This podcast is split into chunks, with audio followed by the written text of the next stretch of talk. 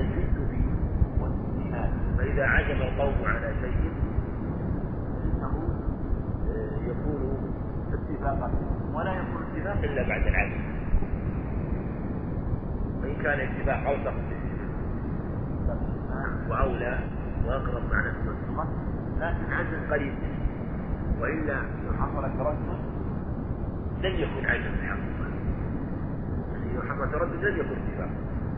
فلا يحصل إلا بوجود العزم فكأن العزم سابق ما يتعلق بالقصد إليه والجد ثم بعد ذلك الاتفاق عليه إما من جهة القول وإما من جهة الفعل. واصطلاحا يعني اصطلاح علماء الشرع اصطلحوا على هذا الشيء. اتفاق. شرط الاتفاق لو لم يحصل اتفاق لم يكن اجماع كان هنالك اختلاف بينهم فلا اجماع وإن كان وإن كان مثلا أحد المخالفين أو بعض المخالفين الذين خالفوا قولهم من هو الصواب. لكن لا يكون إجماع. شرط الاجماع أن يكون اتفاقا منه. اتفاق مجتهدين أن يكون المتفقون مجتهدين يعني ممن كملت فيهم آلات الاجتهاد على خلاف بينهم فيما يكون في الاجتهاد وهذا سيأتي معنا إن شاء الله. وإن كانوا ذكروا في باب الاجتهاد شروطا لا يسددها كثير من أهل العلم. لكن هو يشترط ذلك أن يكون من المجتهدين اتفاق مجتهد الأمة أمة محمد عليه الصلاة والسلام مجتهد الأمة يخرج اجتهاد الأمم قبله. في عصر يعني في أي عصر؟ من العصور. عصر الصحابة فما بعد. وهذا قول جماهير أهل العلم.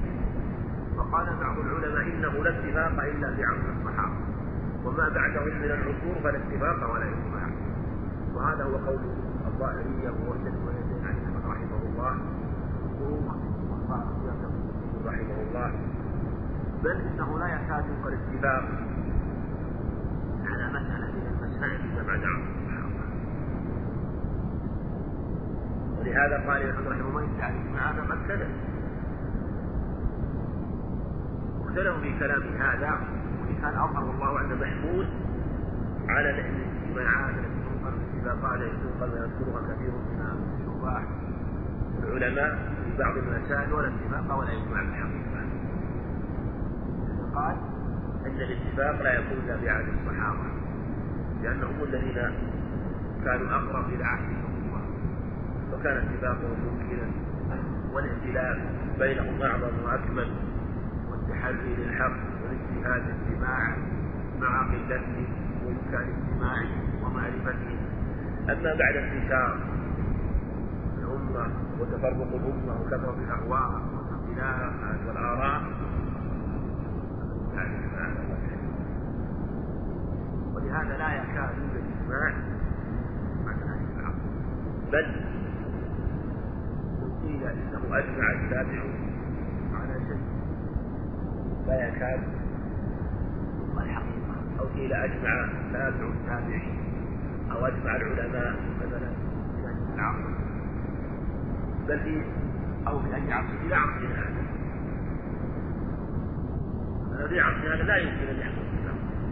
يعني مو من جهة من جهة من جهة العقل لا من جهة الواقع.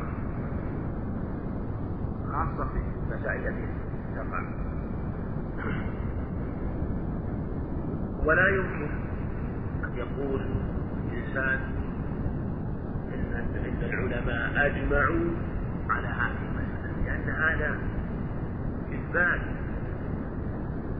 إثبات من جهة ونفي إثبات للإجماع ونفي للخلاف ونفي الخلاف في هذه المسائل صح الذي يجوز أن يكون هنالك علماء لا يعرفون.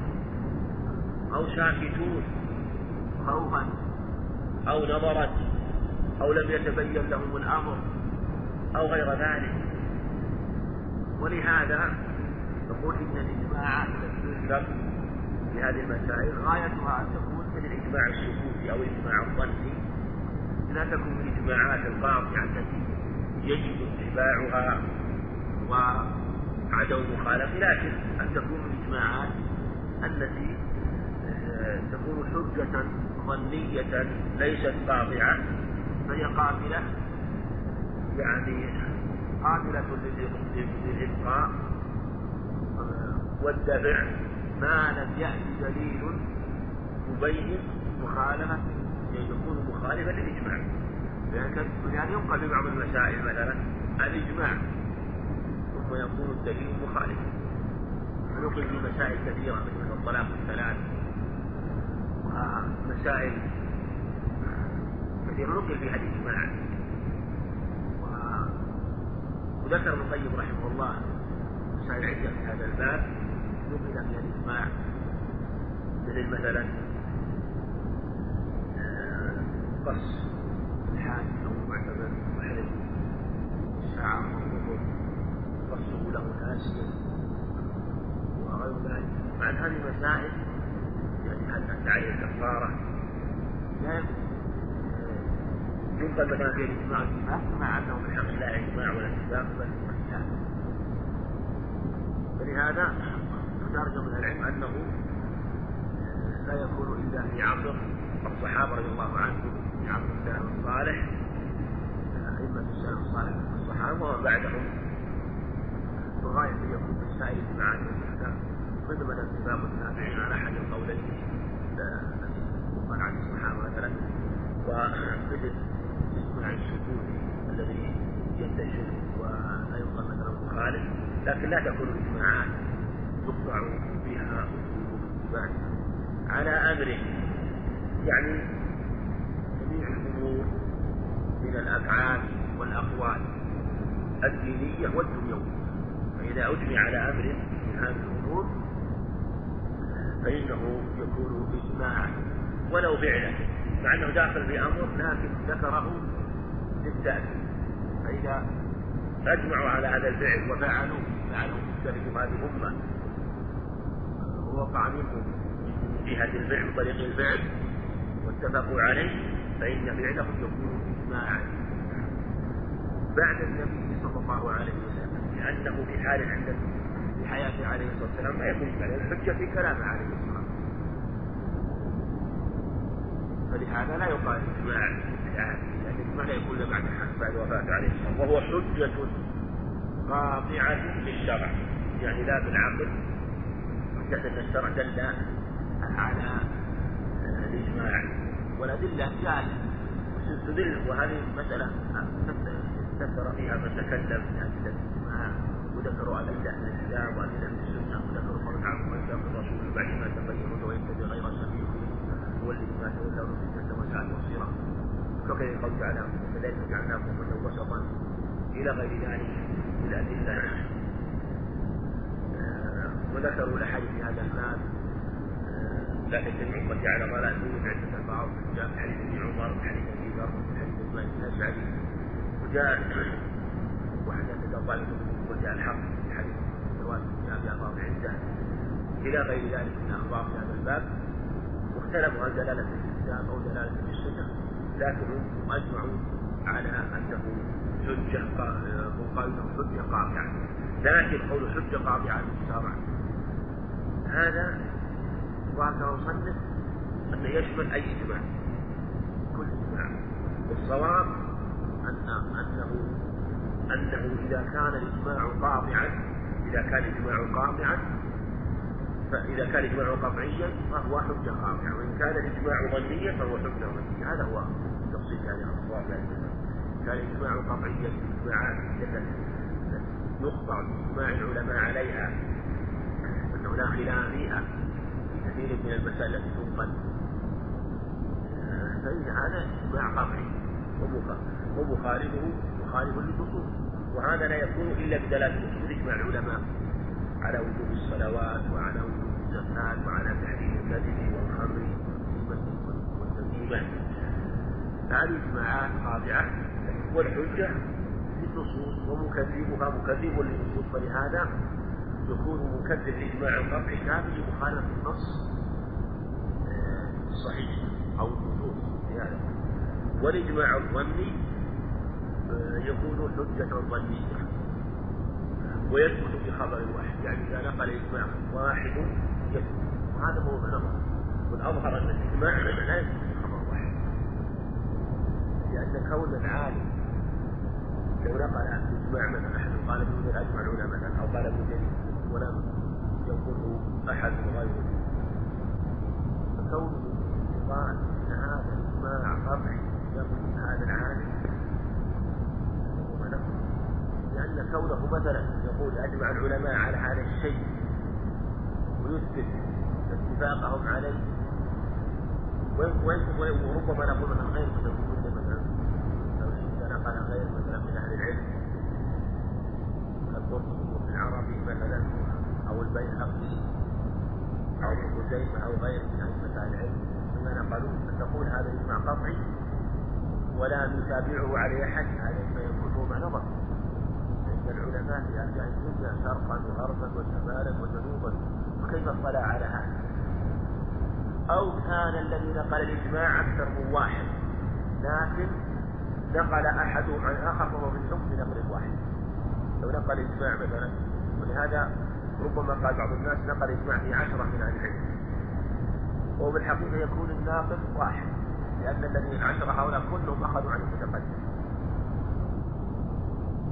فهذا يكون في حكم الإجماع الذي نقله واحد لكن إذا علم أنه لم ينقل أحدهم عن الآخر وكل منهم نقل إجماع هذا أقوى في قوة الإجماع بخلاف نقل الخلاف نقل الخلاف يكتفى به واحد لأن نقل الخلاف إجماع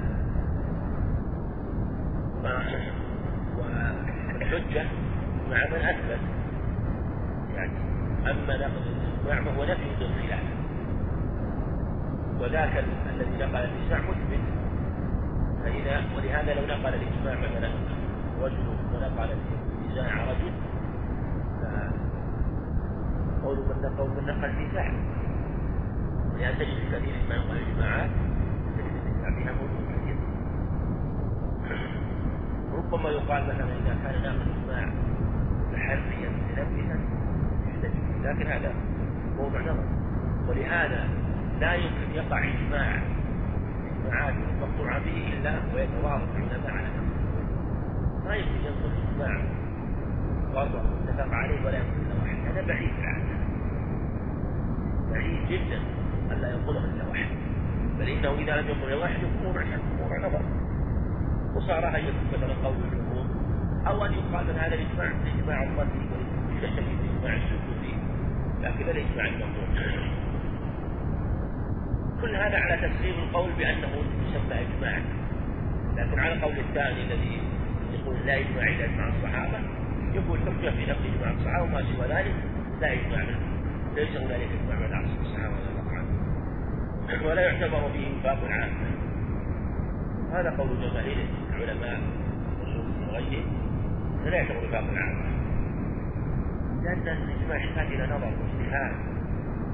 والحاكم لا نظر يعني الأمور مسألة ولا تجد وإن كان بعضهم عندما رأوا وثاقا عاما لكن صاب لا يعتبر ثم أيضا من المستحيل أن يعتبر وثاقا عاما. كيف يجمع الناس؟ وعامة الناس حتى يتفقوا ثم أيضا يعني من مما يستهزأ به مثلا أو محل السوق والاستهزاء يجمع أن يجتمع العلماء في مكان مع العامة ويجمع العلماء يقول بقي. والله بقي معنا خمسة من الفلاحين وخمسة من الرجالين وخمسة من كذا وخمسة وبنا قالوا إيش رايك؟ يعني نظر رأي. يعني ليس مناسب. يعني يقال هذا. لكن يمكن مثلا من يقول هذا يكون مثلا يعتبر مثلا آه، يجعله في حكم الإجماع الذي من خالفه كفر يعني اتفق عليه الناس. علماءهم وعامتهم علماءهم وعامتهم لهذا هذا يكون مخالفة أشد لكن الصواب هو ما قاله جمهور العلماء وأنه لا يعتبر به اتفاق عامة ولا خلاف. ولا من عرف الحديث يعني وحده. إنسان ما يعرف إلا الحديث وحده. ولا عندما يعرف مثلا بالفقه والأحكام فإن هذا لا يعتبر. يعني يعرف الحديث وحده لأنه يحتاج إلى النظر. إلا إذا كانت هذه المسألة مثلا المسائل متعلقة مثلا في باب الحديث يمكن يقال هذا. أو اللغة وحدها. مثلا ما يعرف إلا اللغة فلا يعتبر مثلا وفاقة ولهذا المسائل إن كانت من مسائل الفقه العبر بما اتفق عليه الفقهاء. وإن كانت مثلا من مسائل الأصول فاتفاق الأصوليين عليه إجماع. ولا يعتبر مثلا مخالفة الفقيه إلا إذا كان الفقيه أصوليا يعتبر وفاق كذلك إذا كان الأصول فقيها يعتبر وفاق مسائل الفقه. أو كان المحدث مثلا لديه معرفة الأحكام يعتبر وفاقه أما إذا كان لا جاهلا في باب الأحكام ولا يعرف إلا الحديث فإنه لا يعتبر وفاقه فالمقصود أن أهل كل فن يعتبر وفاقه لفنه ومن كان جامعا لفنون يعتبر وفاقه في جميع الفنون أو الكلام. ولا من عرف الحديث أو اللغة أو الكلام ونحوه أو الفقه أو أصوله يعني من عرف مثل مثلا. من عرف الفقه ما يعتبر موافقة في الأصول ومن عرف الأصول ما يعتبر موافقة في الفقه. على الصحيح. وإلا قال بعضهم إذا كان أصوليا يعتبر موافقة في الفقه. أو فاته بعض الشروط بعض شروط الإجتهاد على ما سبق فإنه لا يعتبر وفاقا ولا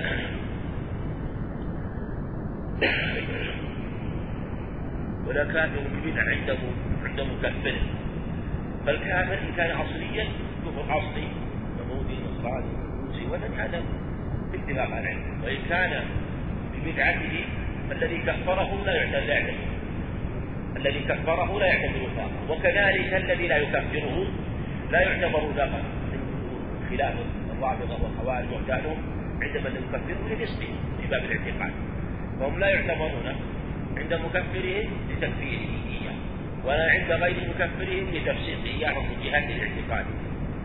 ولا فاسق مطلقا يعني من جهة الاعتقاد ومن جهة الأفعال وهذا نظر في بعض العلماء وقالوا إنه لا تشترط العدالة في في هذه المسائل وهو باب الإجماع.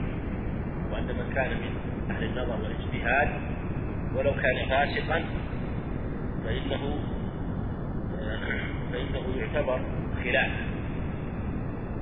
وهذا أقرب يعني خاصة إذا كان فسق من جهة الأفعال. أما فإن هذا إذا كان لديه علم ومعرفة لكن يشترط مثلا فيه النظر. إذا كان إذا كان إذا ذكر مستندا ووجها صحيحا يخالف به يخالف به غيره فالحق أن والحكمة ضالة أما فسقه آه، فإليه.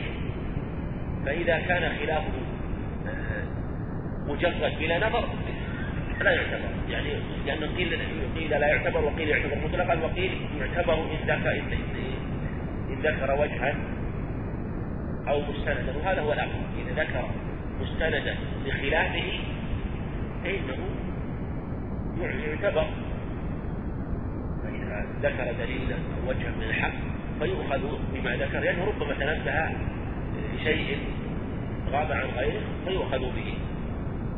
ولا ينعقد مع مخالفة واحد وهذا قول جمهور العلماء. وذهب بعض آخرون كابن جرير جماعة من العلم إلى أنه يعتبر لا يعتبر مخالفة الواحد ولهذا يحكي عن جماعة الإجماع آه، على على بعض المسائل وإن خالف فيها الملة ولهذا ذكر إجماع متروك التسمية ناسيا ذكر إجماع على حفظه وذكر جعل الخلاف في ذلك شذوذا. والأمر هو قول الجمهور أنه لا يعتبر إجماع لأن إذا إلا بموافقة الجميع إذا خالف واحد ما يكون إجماع ثم أيضا ربما كان الحق معه. ولهذا خالف أبو بكر الصحابة رضي الله عنهم اتبعوه بعد ذلك. اعتبروا خلافه حتى اتبعوه بعد ذلك. وفي مسائل عدة. ربما وقع الحق مع من خالف فيها وإن كان واحدا فلهذا يعتبر خلافه. وإن كان واحدا والله أعلم. من كان قدوة يعتبر يعتبر مخالفا سواء قبل انقراض العصر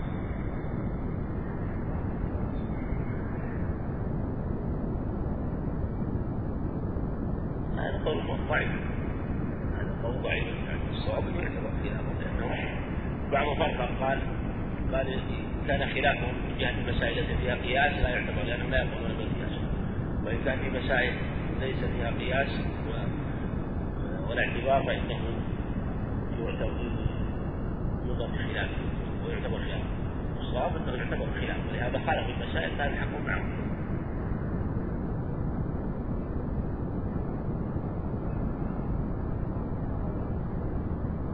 من عزم على الفطر بالسفر ولا بالحرم خلاص بطل صوم الرسول إنما الأعمال بالنيات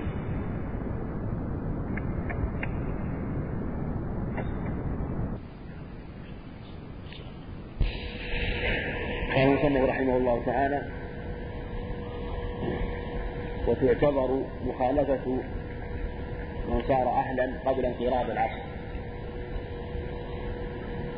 فإذا أجمع المجتهدون من أمة محمد صلى الله عليه وسلم على أمر من الأمور ثم بعد ذلك تأهل بعدهم وهم موجودون أو بعضهم موجود ولو واحد. ولو واحد تأهل للنظر والاجتهاد. فإنه تعتبر مخالفته ونصوا على اعتبار مخالفة الصحابة التابعين فإذا أجمع الصحابة مثلا على أمر من الأمور وبقي مثلا واحد من الصحابة ثم تأهل تابعي أو جمع من التابعين ثم خالف في هذه المسألة التي يجمع عليها قالوا إنه ينتقض الإجماع فلا يكون إجماع. هذه مسألة فيها خلاف كثير مسألة مخالفة. مخالفة من صار أحد. مخالفة من صار أحدا وهذه مبنية على مسألة انقراض العصر وستأتينا في المسألة الثانية. هي مبنية على مسألة انقراض وهذه الفرق انقراض العصر إجماعا لا يفترض. وإن كان كما سيأتي من الصواب لا يعتبر أنه وأنه قول الجمهور. وعلى هذا يكون الصواب في هذه المسألة أنه لا تعتبر مخالفته هذا الأقرب. لكن يقال في التفصيل إن كان إن كانت مخالفته له إن كانت مخالفته له. إذا كان تابعيا مثلا إذا كان تابعيا والصحابة أجمعوا على أمر. وموجود مثلا بعد التابعين وهو حين اجتماعهم اجتماعهم على هذا الأمر كان متاهلا للاجتهاد. فتعتبر يعتبر مخالفة. وإن كان لم يتأهل إلا بعد استقرار الاجتماع فلا تعتبر مخالفه التابع وكذلك في كل عصر بعده. فإذا أجمع الناس وأجمع العلم في عصر من العصور على أمر من الأمور ثم استقر الإجماع. يعني ذهب النظر والتأمل واستقر الإجماع. يعني الإجماع يستقر بعدما يتبين أنهم استقروا على هذا الأمر واتفقوا عليه. ثم بعد ذلك آه، ظهر عالم أو مجتهد وقال أنا مخالف يعني نقول لا يحرم عليك المخالفة على قولهم لأنه آه، يجب عليك الإذعان الإجماع والإجماع هو الاتفاق. فإذا اتفقوا حصل إجماع وبهذا سمي الإجماع إجماعا. سمي الإجماع إجماعا. فعلى هذا أجمعوا واتفقوا عليه فإن العبر باتفاقه وإلا لكان يمتد ولا يكون فيه إجماع الآخر لو قيل مثلا تعتبر مخالفة من تأهل من تأهل قبل انقراض العصر لآل الأمر إن لأنه لا يمكن يحصل إجماع في الدنيا. يستحيل. يعني أو ما يقال يستحيل لكنه يعني في الغالب لا أو يتعدى لأنه ما من عصر ويجتمع في علماء هذا البلد على أمر من الأمور ويستقر اجتماعهم ثم بعد ذلك في الغالب أنه لابد أن يوجد إنسان قبل انفراد هؤلاء لأنهم أعداد يكونون أعداد كثيرين. فإذا تأحد إنسان وواحد موجود وخالف وخالف يعني بصر يقول إلى أنه لا يوجد إجماع لأن هذا يخالف. يخالف. ثم لو فرض أن هذا مات يريد إنسان يولد يأتي إنسان ثاني ويخالف هكذا. فلا يزال توالد بينهم ويوجد علماء مجتهدون فيخالفون ويستمر هذا إلى يوم القيامة. فلا يحصل إجماع والإجماع معلق باجتماع واتفاق لا بانفراد العصر وبه سمي الإجماع إجماعا فعلى هذا إذا آه، وجد الإجماع يقال لمن تأحد لا يجوز لك أن بل عليك أن توافق لأن العلماء أجمعوا في ذلك العصر أو في ذلك الوقت على هذا وأنت لم تتأحد النظر فإذا هذا هو قول الأكثر خلافا لما ذكر المصنف رحمه الله. لا تعتبر مخالفة والمصنف رحمه الله قال تعتبر مخالفته لا تعتبر موافقة فرق بين اعتبار المخالفة واعتبار الموافقة. والمصنف يقول الموافقة لا تعتبر إنما تعتبر المخالفة. والفرق بينهما أن المخالفة أن يبدي خلافه نظر ويقول أنا أخالف هذه المسألة. الموافقة أن يسكت. لا يشترط لهذا العالم الذي ظهر قبل انقراض العصر أن يقول أنا موافق. فلو أنه وجد عالم مثلا قبل انقراض عصر هؤلاء المجمعين على كلام صنف رحمه الله وسكت ولم يقل شيئا لا لم يظهر لا خلاف ولا وفاق سكت. فإن الإجماع يكون صحيحا ولا يشترط لهذا العالم أن يكون أن يقول أنا موافق على ما أجمع عليه. بل المشترط عندما هو؟ عدم المخالفة. فإن خالف لا يكون إجماع وإن سكت يكون إجماع. وذكرنا القول الأظهر أنه لا تعتبر مخالف الإجماع حصل باتفاقه واجتماعه. ولا ولو تابعيا يعني ذكر ولو تابعيا مع الصحابة. يعني ذكر مسألة التابعي وتابع التابعي. لأنها لأنها مفرعة على لأن مسألة التابعي مفرعة على على مسألة التي قبل وهي واضحة.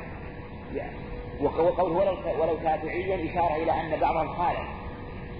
يعني بعض من خالف المتخالف إلا إن كان المخالف تابعيا فلا يعتبر خلافا مع الصحابة. لأنهم شاهدوا التنزيل والتأويل وهم أئمة السلف أئمة وهم السلف الصالح وأئمة السلف رضي الله عنهم. فلهذا لا تعتبر مخالفة التابعين والمصنف رحمه يقول ولو تابعيا إشارة إلى خلاف من قال إن التابع لا يعتبر خلافا مع الصحابة. أو تابع تابع لو أجمع التابعون على مسألة ثم قبل انقراضهم يعني بقي منهم واحد قال هذا تابع تابعي أنا أخالف هذه المسألة. ما أوافقكم على هذا يقول ينتقد الإجماع. على ما ذكر رحمه الله وعلى القول الثاني أنه لا ينتقد الإجماع آه، سواء كان المخالف تابعيا أو تابع للصحابة أو تابع تابعي آه، مخالف للتابعين. لا موافقة. موافقة ليست بشرط. بل لو سكت فالإجماع معتبر وليس إجماع الأمم الخالية. إلى قوله وليس إجماع الأمم الخالية ولا أهل وليس إجماع الأمم الخالية ولا أهل المدينة حجة. إجماع الأمم الخالية قد يراد مثلا أن إجماعهم ليس حجة على بعضهم البعض.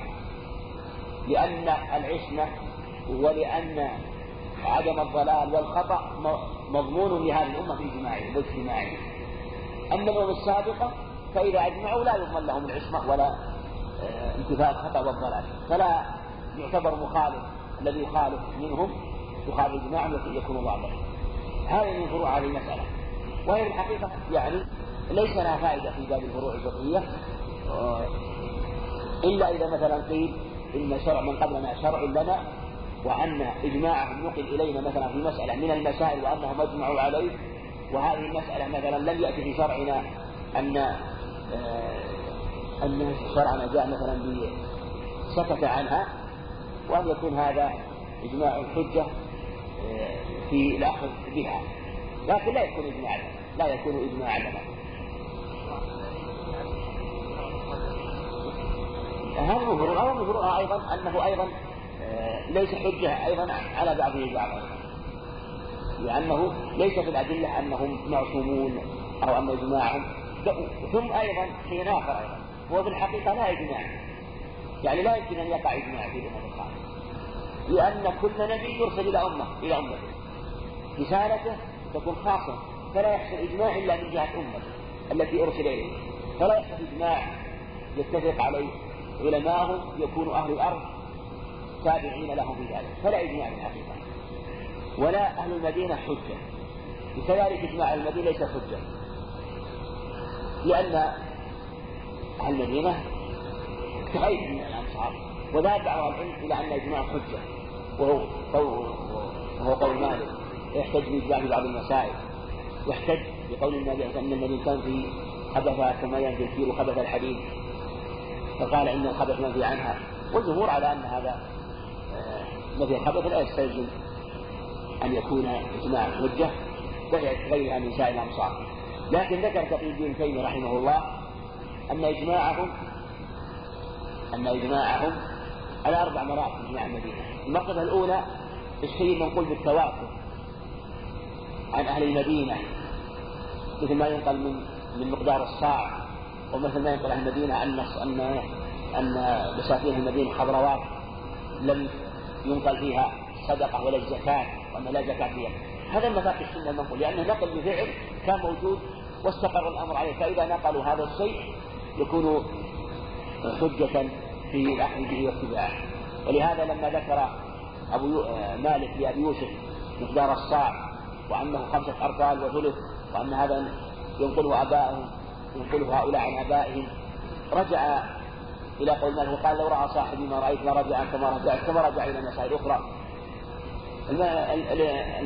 المرتبة الثانية عمل أهل المدينة قبل الفتنة في عهد أبي بكر وعمر وعهد عثمان قبل مقتله رضي الله عنه. هذا أيضا يكون حجة لأنه عمل الصحابة ومعهم أبو بكر وعمر رضي الله عنهما. فإذا عمل به يكون حجة كما سيأتي أيضا في ذكر آه، عمل الخلفاء أو أو إجماع الخلفاء الراشدين. المرحلة الثالثة إذا كان في المسألة دليلان أو قياسان وعمل أهل المدينة مع أحدهما. هل يكون عمل مرجحا أو ليس مرجحا؟ فبعض العلم قال إنه إذا إذا كان عندنا دليلان وأهل المدينة وافقوا أهل الدليل وعملوا به فيكون عملهم مرجحا لأحد الدليلين. وهذه محتملة أيضا. لأن يكون عملهم أقرب من عمل غيره. لموافقتهم في هذا الدليل فيكون أقرب من جهة أنه أعلم بالسنة والحديث خرج منها. آه، فيكون الظن برجحان ذات الحديث إما من جهة سنده أو من جهة ثبوت على النسخة أو لا وأقرب منه إلى ذلك الحديث أو ذلك القياس. والمرتبة الرابعة هو عمل المدينة في العصور المتأخرة فهذا ليس حجة بالاتفاق ولا هو قول مالك ولا قول أحد فهو هو آه، يعني المدينة كغيرها من سائر الأمصار ولا قول الخلفاء الأربعة ولا أهل البيت. يعني ليس حجة. ولا قول الخلفاء الأربعة ولا بيت وهم علي وفاطمة ونجلاهما رضي الله, عنهم بإجماع ولا حجة.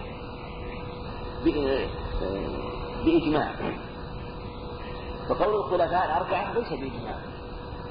واختلف العلماء في عمل الخلفاء الأربعة. سواء فعمل الخلفاء الأربعة إذا عملوا شيء فإن وافقهم غيرهم هذا ما في إشكال الإجماع وإن سكت وإن سكت سائر الصحابة هذا أيضا إجماع وهو قريب الإجماع المقطوع به خاصة مع عمل الخلفاء الأربعة. فلا يكاد يجمعون شيء ويسكت سائر الصحابة إلا والأمر متفق عليه. لكن مع مخالفة غيرهم لهم هل هو إجماع وليس بإجماع؟ الأمر ليس بإجماع. ليس لكنه حجة يعني يعمل به. لأنه لا, لا يكون إجماع مع مخالفة غيرهم له لأن الإجماع يكون بإجماع الأمة واتفاقهم وهذا خالفهم غيرهم. لكنه يكون حجة. وتقول عليكم بسنتكم من الخلفاء الراشدين من بعد وقال اقتدوا بالذين الذين بعد ابي بكر وعمر. وقال عليه الصلاه والسلام صحيح مسلم إن يطع القوم أبو بكر وعمر يرشدوا فذكرهم الصفات باتباع سنتهم وذكرهم بالاقتداء في أفعالهم وذكر أن الأخذ أن أن اتباعهم رشد ففعلهم حجة رضي الله عنه فعل الخلفاء الأربعة ولا أهل البيت. أهل البيت هم كما قال صلى الله عليه وسلم علي وفاطمة وأبنائهم الحسن والحسين. واختار من العلم وليس بإجماع لكن هذا قول الرافضة الإجماع وأيضا وربما قال أيضا غيره. لكنه هل هو حجة أو ليس بحجة؟ قال بعض العلم حجة. واختار أيضا تقي الدين رحمه الله قال أنه حجة. واستدلوا أيضا بكون الحجة أنه فعل. أنه لو لم يكن فيه إلا فعل علي رضي الله عنه. والرسول أيضا قال عليكم بسنتي وسنة الخلفاء الراشدين من بعد إذا تأيد بفعل الحسن والحسين أو وافق بسنة الحسن والحسين أو فعل الحسن والحسين مع فاطمة رضي الله عن الجميع يتأيد ويتأكد. من قول عليكم بسنتي سنة كل منهم. سنة كل منهم. هذا ما يكون هنالك دليل خارج ما جاء عنه فإذا قال قولا يكون فعله سنة كما قال عليه الصلاة والسلام ولهذا قال قالوا إنه حجة. ولا حجة مع مخالفة. مجتهد.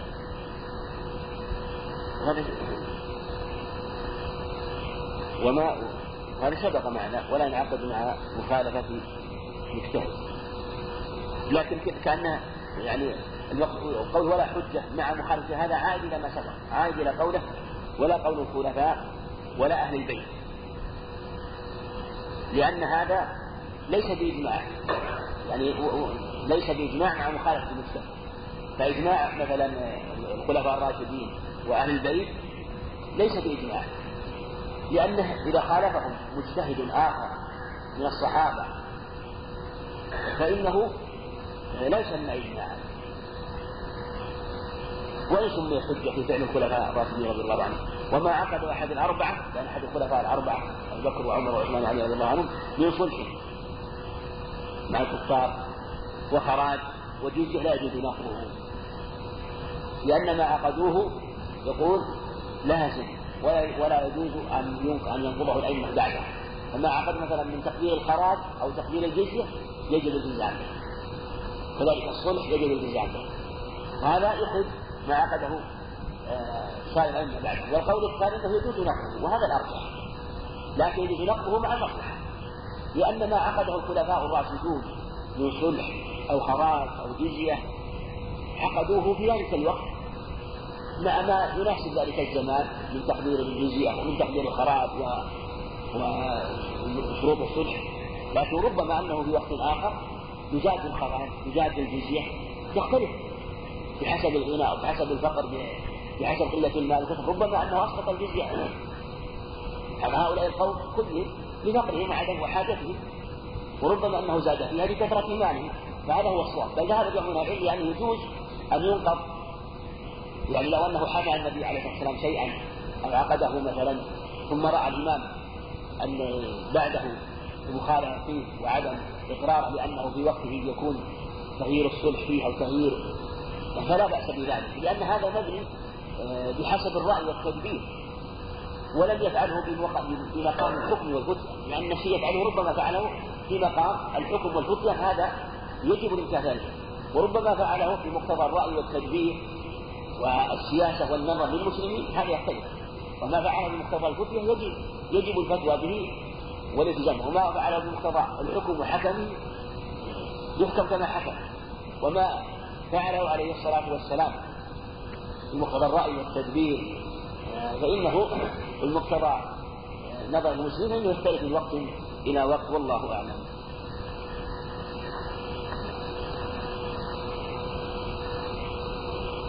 نعم.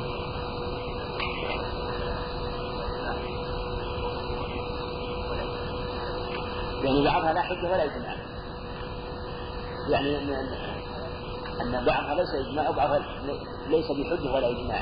فإجماعهم الخالية وكذلك مثلا أهل البيت ورجلاهما يعني في في شيء يكون ليس بإجماع. مثل ما ذكر. يعني الخلفاء الراشدين. وفي شيء ليس بإجماع وليس بحجة وفي شيء إجماع يعني شيء من يكون إجماع. اللي إجماع حجة ما إشكال والشيء ربما كان حجة وليس إجماعا وشيء ليس حجة ولا إجماع تكون ثلاثة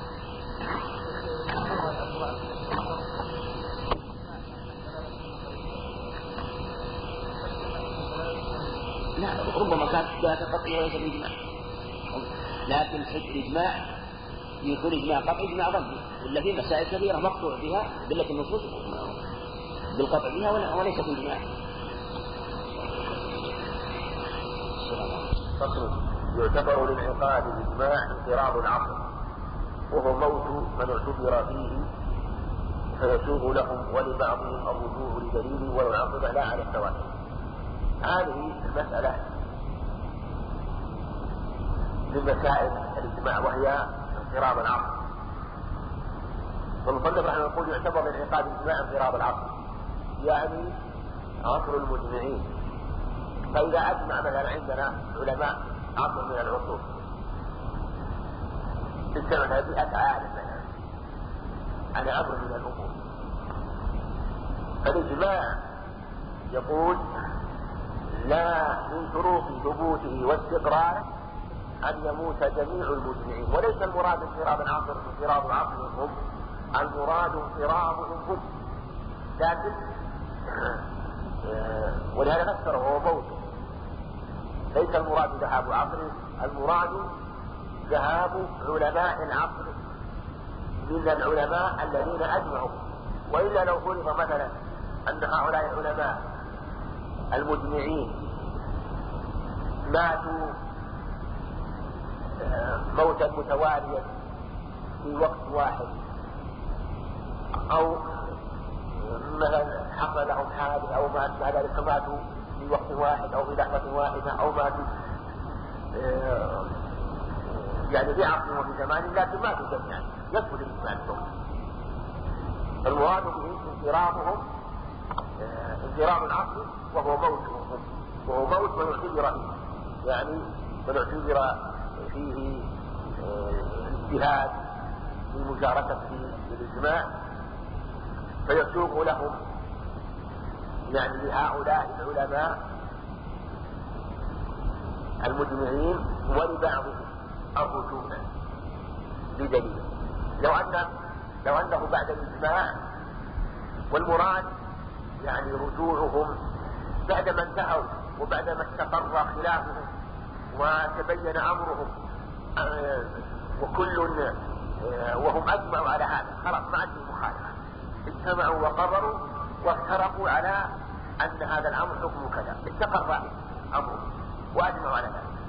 هذا هو. وإلا لو أنه رجع أثناء المداولة وأثناء النقاش أو أنهم ساكتون وبعضهم يريد التأمل والنظر هذا ما يعتبر إجماع. لكن وقت استقرار إجماعهم هم بمعنى أنهم ظهر رضاهم جميعا وتبين. ثم بعد ذلك رجع بعضهم.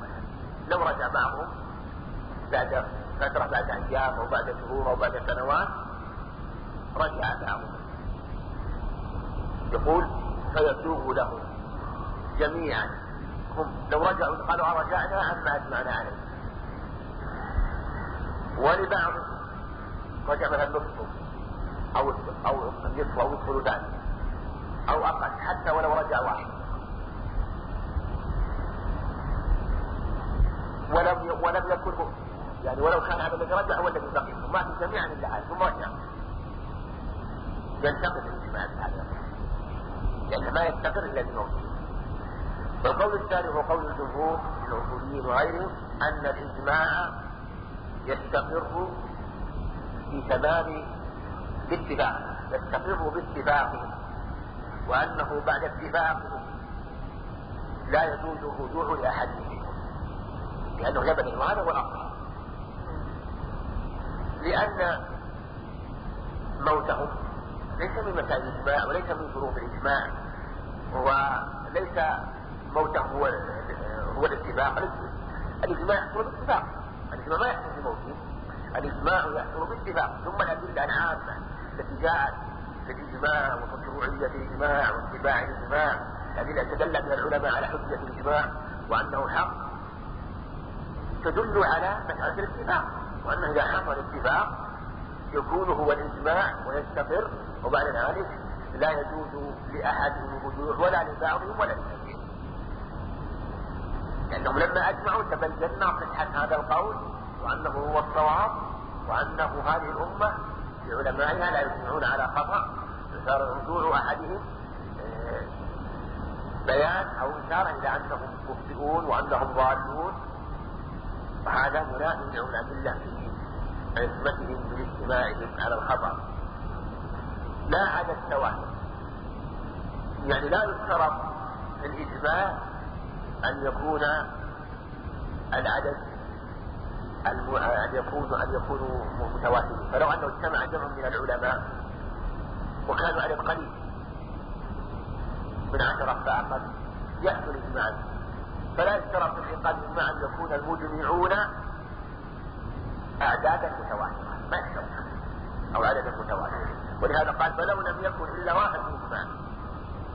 فلو لم يكن مثلا في عصر من العصور إلا عالم واحد مجتهد يجمع بغيره ورأى في هذه المسألة أنه أن الحكم كذا واجتهد فيها ودعم قوله بالدليل فإنه يكون إجماعا. وخالف بعضهم قال لابد أن يكون معه غيره لأن السبق لا يكون عنه وبعد صدر رحمه الله أنه, يكفي لأنه يكون هو الحق.